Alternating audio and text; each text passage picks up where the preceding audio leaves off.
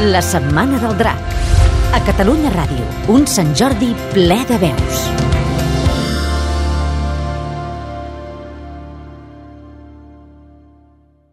Aquesta és la història d'un jove impetuós, preparat però una mica prepotent que volia travessar un riu. Per anar a l'altra banda del riu, va veure que hi havia un barquer amb la barca varada i li va demanar que el passés a l'altre costat. Quan eren avançats, travessant amb la barca el riu, el jove li va preguntar al barquer «Escolti, vostè que fa molt de temps que és aquí, sap d'on ve aquesta aigua? Aquestes aigües que travessem? De què estan fetes?»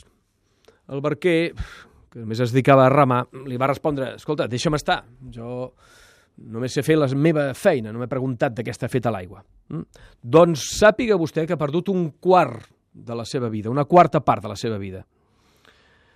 Van seguir avançant i van veure que hi havia unes algues que sortien del fons del riu. I aquestes algues, sap com es diuen? Com fan la fotosíntesi? Escolta, no em maregis. Eh? Jo em dedico a travessar el riu i poca cosa més. Doncs sàpiga vostè, senyor Barquer, que ha perdut mitja vida si només es dedica a anar de banda i banda sense preguntar-se res.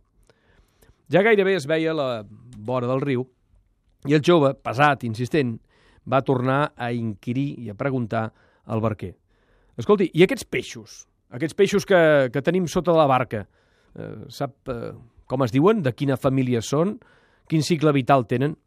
Bé, escolta, deixa'm estar, eh? Mm, no sé res jo d'aquests peixos. Doncs sàpiga vostè que ha perdut tres quartes parts de la seva vida.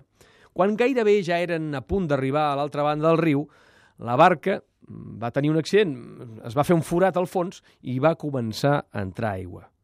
El barquer li va preguntar al jove, saps nedar? No, va respondre. Doncs sàpigues que has perdut la vida sencera. La Setmana del Drac.